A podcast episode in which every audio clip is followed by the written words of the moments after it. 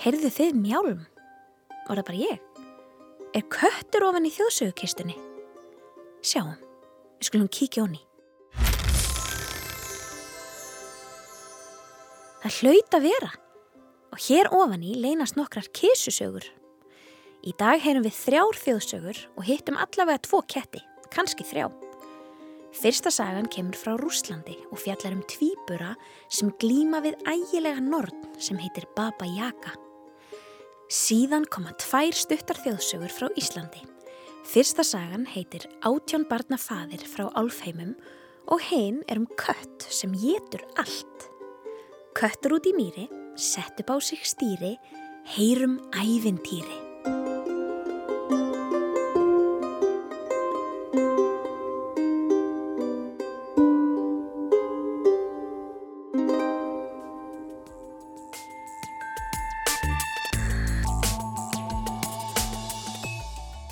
Heiti Terri Gammal og kenni þjóðfræði í Háskóli Íslands. Þjóðsaga er fyrst og fremst saga sem er sögð af mannum um, og fer milli manna, milli svæða, milli landa og getur verið þá lifandi í, í, í þúsund árum. Þannig að þjóð, þjóðsögur eru sögur sem fólk í þjóðinni segir eða, eða hópur af fólki segir um, og sög til skemmtunar en sínir oft trú okkar og langanir að sumuleiti.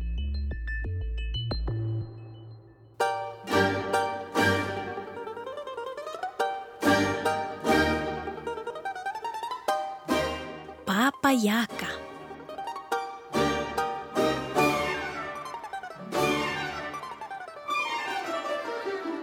Það er lífsæk saga í Austur-Európu og Rúslandi að gömul norn að nafni Baba Yaga búi einhver staðar í skóinum og býða eftir því að einhver týnist eða rekist óvænt á kofaninnar sem stendur á hænsnafótum og er girtur grindverki úr beinum.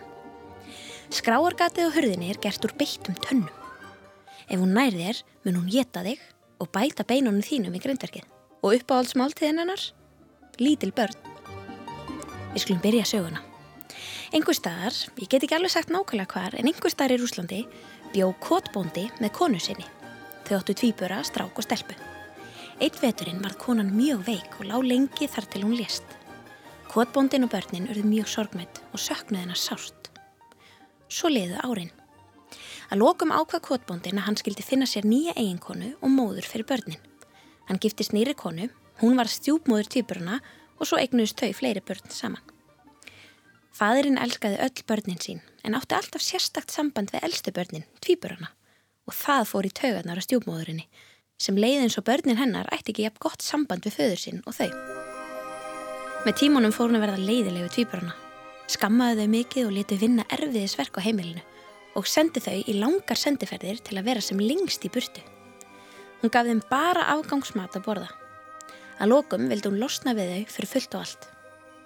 Vitiði hvernig það er að leifa svona andstekilegri hugsun að skjóta rótum í hugamanns.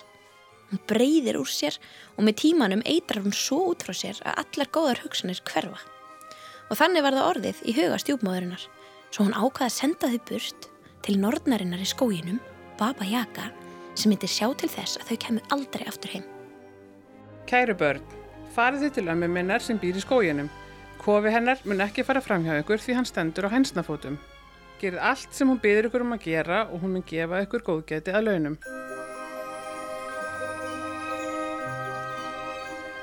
Týpurarnir sem alltaf hlítu stjúpmóðu sinni gengu á stað inn í skógin. En þennan daginn ákvaðu þau að óhlýðnast pinliti. Í staðin fyrir að fara í átt að kofanum með hænsnafætuna tók sýstirinn af skarið, greipi hönd bróðu síns og saman hlupu þau heim að kofa þeirra eigin ömmu. Þegar þau komið þangað sögðu henni alltaf leta, hvernig stjúpmóður þeirra fór með þau heima og að hún hafi ætlað að senda þau til ömmu sinnar sem byggi í skrítum kofa sem stæði á hænsnafótum.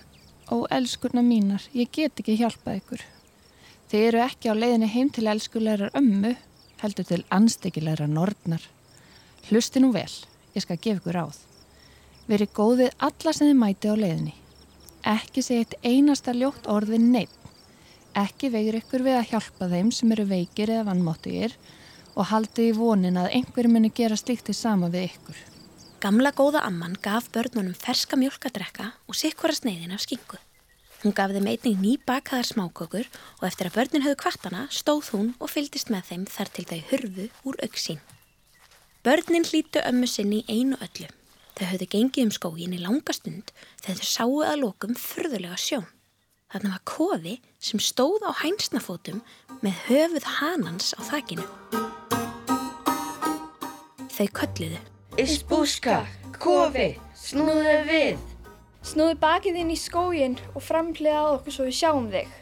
Kofin gerði eins og þau sögðu. Tvíburarnir lættust upp á honum og gæðust inn um gluggan. Þau sáu ægilega konu. Steinsofandi nálagt dyrakarminum með eitt fót upp í horni húsins, hinn fótinn í hinuhorninu og hnén snertu nánast loftið. Hún rumskaði. Ha, ég finn fyrir rúsnenskum anda í húsinu mínu. Börnum voru hrætt, heldust í hendur og stóðu þjætt saman. Þrátt fyrir óttan sögðu þau. Hæ, amma. Við vorum senda á stjúbokkar til að þjóna þér. Allt í lægi. Ég hef ekkert að móti því að halda ykkur hérna börn. Ef þið uppfyllir alla mínar óskir, þá verðlauna ég ykkur ríkulega. Ef ekki, þá muni ég ykkur upp til lagna. Og um leið byrja hún að skipa þeim fyrir. Hún sagði stúlkuna að setjast í rokkin og byrja að spinna þráð. Strákurinn átt að bera vatn í stóru sikti og fylla baðkarðiðnar. Greiði börnin þau gretuðu störsin. Stúlkan satt á spann þegar allt í einu byrtist lítil mús sem týsti til hennar. Elsku stelpa mín, ekki gráta. Gefðu okkur smákökur og við munum hjálpa þér. Hún gerði það. Jæja, farðu nú út og fyndu svartan kött. Hann er mjög svangur. Gefðu nú sneið af skingu og hann mun hjálpa þér. Stelpan hljóp út og leitaði kettinum. Hún sá þá bróður sinn vinna hörðum höndum að því að reyna að fylla stórt baðkar með gödóttu sikti. Sama hvað hann fór marga ferðir, þá var baðkarið alltaf þurrt. Littlir fugglar flögruðu hjá. Góðhjörtuðu börn, gefa okkur mólað kroppa í og við munum gefa ykkur góða ráð. Þau gerðu það og þakkláttir fugglarnir sögðu. Finnið leir og vatn, elsku börn. Svo flugu þeir burt. Börnin skildu vísbendinguna. Þau grófu ofan í jörðina og fundu leir, bleittu hann með smá vatni og þjöppuðu ofan í siktið. Síðan fylgtu þau baðkarið á skotstundu. Þau gengu tilbaka að kofanum og hittu í dyrgættinni svartan kött. Þau gáfu honum vel að borða af skingunni sem góða amman hafði gefið þeim. Síðan klöppuðu þau kísa og spurðu. Kæri köttur, svo fallega svartur, gerðu það. Segð okkur hvað við þurfum að gera til að sleppa burt frá henni hörðu húsmóður. Sko, sagði svarti kötturinn með alvarlegri röttu. ég mun gefa ykkur handklæði og kamp, síðan verðið að hlaupa burt. Þegar þið heyrið að nortin hleypur og eftir ykkur, hendið á handklæðin á jörðina og risastór á mun spretta upp í stað handklæðisins. Ef þið heyrið í hinn aftur, hendið kampinum á jörðina og í stað hans mun byrta stimmur skóur. Skóurinn mun vernda ykkur gegn norninni vondu. Í sömu andrá gekk Baba Jaka inn og virti fyrir sér dagsverk barnana. Hún sagði, Hmm, þetta gáttuði leist vel, en á morgun býður ykkar enn erfiðara verkefni. um nóttina lágu þau í rúmum sínum og þorðu varla að anda af hræðslu. Þetta voru ekki mjúk og hlý rúm, búin af góðhjartaðir ömmu. Nei, þetta voru hörð strárúm í köldu horni. Dæin eftir skipaði Baba Jaka þeim að vefa nýrumfött og bera inn risastór klass af eldiviði úr skóginum. Börnin gripu þá hangklæðið og kampinn og ruk á dyr. Þau hlupu eins hratt og fætur þeirra tóguðu. Baba Jaka sendi fyrst hundan á eftir þeim.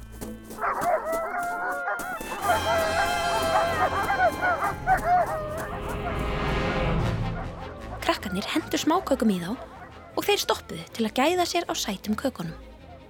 Þau hlupu lengra þar til þau komuð að stóru hliði. Hliðið opnaðist ekki.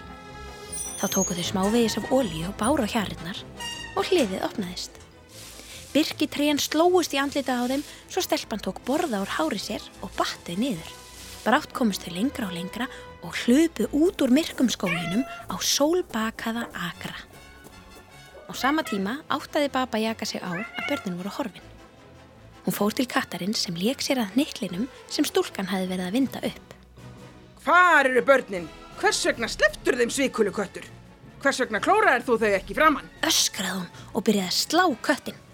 Kötturinn svaraði.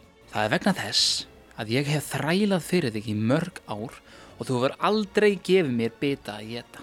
Börninu voru mér góð og gáði mér ljúffenga skingu.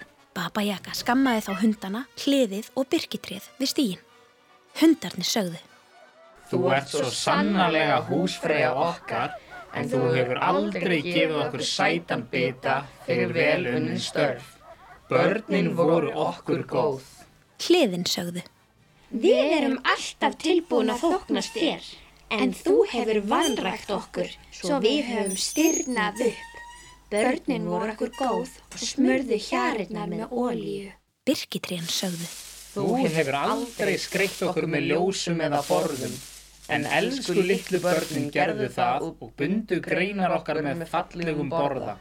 Baba Jaka öskraði á gremju og hljópa á stað á eftir börnunum. Fylgdi sér svo mikið að hún tók ekki eftir því að hangklæðið og kampurinn voru horfin. Hún hljópa á stað. Þegar hún nálgæðist börnin, heyrðu þau másið í henni og köstuði niður hangklæðinu. Þá spratt upp gífurlega stór á. Þegar Nordin komað anni, leitaði hún lengi eftir árbakkanum að grunnum stað til að vaða yfir. Hún fann hann að lokum, óð yfir á skítum tánum og hljópa af stað. Þegar hún nálgæðist börnin aftur, köstuðu þau niður gullkampinum sem samstundið svarð að risavöxnum og myrkum skógi. Þar sem rætur trjána fléttuðust saman, greinarnar flæktust í hvorannari og trjátopparnir snertust. Nordnin ringdi hvað hún gat að koma sér í gegn en fann hvergi leið. Hún gafst að lokum upp og snýri aftur heim uppfull af gremju. Börnin hlupu heim til föður síns og sögðu honum alltaf leta. Hann var alveg bálreiður og sendi hinn að vondu stjúpmóður burt.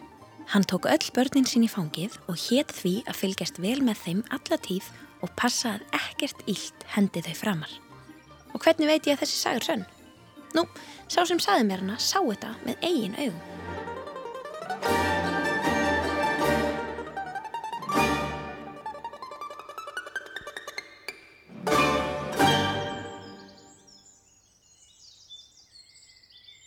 Við törum um mismöndi tegundir af sögnum. Reynslusögn er, er þegar ég segir þér frá, frá einhverju sem gerist hjá mér. Um, Reynslusögn er líka þegar þú segir öðrum það sem þú heyrði. Þegar sagan heldur áfram og fer þá að, að laga sig að umhverfinu, er komin þá til eigið staða eða akureyrar eða eitthvað, þá er hún öðruvísi. Hún er bara sögn einhvern meginn. Flökkusögn er sögn sem fer milli landa. Um, og eins og djáknar myrka á til dæmis er flökkusögn. Við finnum samskona sagnir í, í Nóri en sagninar eru aðeins öðruvísi hvert skipti. Um, þannig að flökkusagnir eru, eru sagnir sem fara milli landa, uh, fara langa leiðir, kannski byrja á Gríklandi, uh, á fornöld.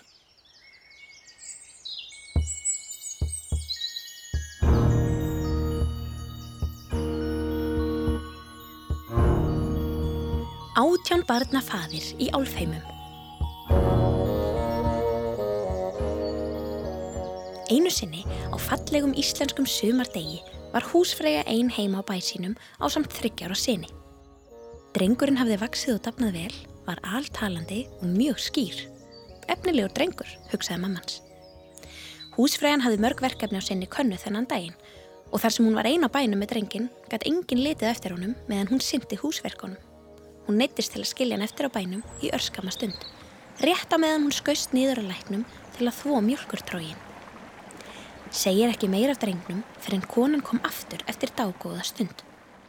Þegar hún talaði við hann, öskraði hann tilbaka og æfti yllilegar en hún átti von á.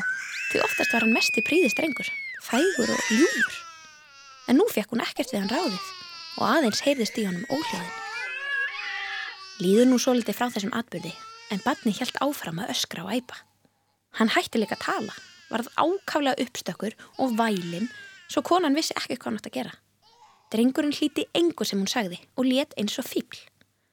Þetta ángraði móðurna mjög og hún ákvaði að leita sér hjálpar. Hún talaði við nágrannakonu sína sem þóttu vera mjög vitur og ráðagóð og sagði henni frá öllu sem hafi gerst. Nágrannakonan spurði hana hversu lengi barni hafi látið svona og nákvæmlega hvenar henni þótti breytingin hafa orðið. Móðir drengsins sagði henni frá deginum þegar hún þurfti að skilja hann eftir einan heima. Þegar nágrannakonan hafi heyrt alla sólasöguna, sagði hún. Heldur ekki góða mín að drengurinn sé umskiptingur? Mig grunar að sonur þinn hafi verið tekinn og annað bann sett í hans stafa meðan hann var einn á bænum. Ég veit ekki, hvernig get ég komist að því? Þú skalt skilja barnið eftir eitt heima einhver daginn og skilja eftir einhver hlut eða eitthvað sem það hefur aldrei séð áður á bænum. Ef þetta er umskiptingur þá myndu heyra hann tala þú skalt fela þig á góðu stað þar sem þú heyrir vel til. Ef þeir þykir orðbræðan skrítið og dulafullt þá skaltu taka vöndin og húðstrykjan þar til eitthvað gerist. Að svo mæltu skildu þær við hvoraðra, þakkaði móðurinn nágrannakonunni fyrir heilræðin og fór heim. Þegar hún kom heim sett hún lítinn pott á mitt eldhúrskólið. Síðan tók hún allar trésleifarnar sínar, skeiðar og nývapör, batt þau saman í svo langt prigg að það stakst út um strömpin á húsinu og let standa í pottinum á gólfinu. Síðan náðun í drengin, sett hann á eldhúrskólfið og gekk út. Hún stóð á hleri þar sem hún gætt gegst inn í eldhúsið. Stutt eftir hún fældi sig, sá hún að barnið fór að vappa í kringum pottin og virðan fyrir sér. Svo heyrir hún barnið tala. Nú er ég svo gamall sem á grönum á sjá, átján barna faðir í álfheimum og hef ég þó aldrei séð svo langan gaur í svo lítilli grítu. Hún snaraðist inn í eldhúsið með vænan vönd, tók umskiptingin og skellt honum yfir nýð á sér. Svo lamd hún hann sundur og saman með vendinum. Æft hann þá óurlega. Þegar konan hafði strykt hann um hríð, sá hún að ókunnu kona kemur inn í eldhúsið með sveimbarn á handlegnum. Hann var fallegur og fríður. Ókunnu á konan sagði við móðurina. Ójamt höfumst við að. Ég dilla barni þínu, en þú berð bónda minn. Að svo mæltu sett hún drengin niður sem samstundis hljóp í fangum móður sinnar. Álfkonan tók svo bónda sinn burt með sér og sáist þau aldrei framar.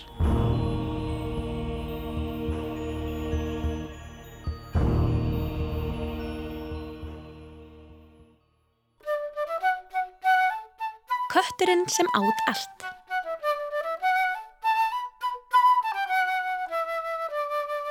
Einu sinni voru þrýr bræður sem byggu á bakka í Svarfaðardal. Þeir voru ekki skörpustu nývarnir í skúfunni, eða hreint út sagt ekki sérstaklega gáðir. Það er til margar sögur af þeim bakkabræðurum, gísla er ekki helga. En þar sem við höfum talað mikið um ketti í þessum þætti, þá er viðægandi að enda á einni kattar sögu. Köttur út í mýri og allt það. Einu sinni voru þeir bræður á ferð, fótgangandi um sveitina. Þeir mættu þá manni sem hafði dýr í fanginu sem þeir höfðu aldrei séð. Gísli spurði.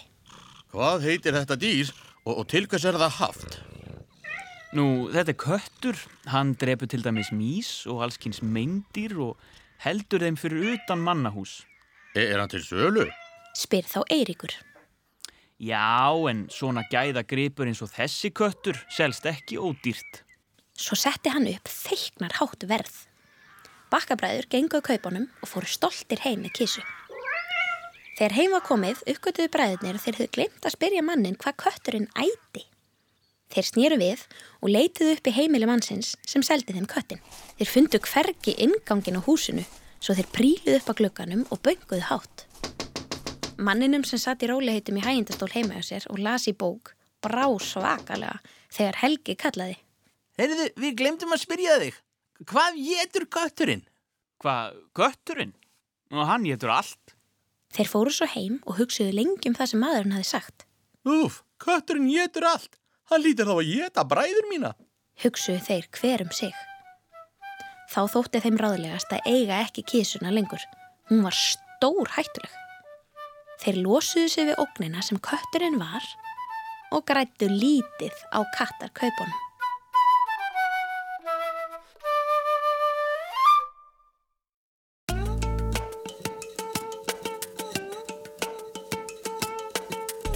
Æventýri enda, enda oft með formúlu af einhverju tægi. Uh, á, á ennsku þá, þá heyrum við and, so, and, and they all lived happily ever after. Á Íslandi er, hvað er náttúrulega mjög þetta á sestýri, sem byrjar bara í, í, í æventýri og rýmu frá 17. 18. öld. En engin veit að hverju þetta er, er notað í enda, æventýr. Það er bara svona. Það er bara svona. Svona eru þjóðsúur.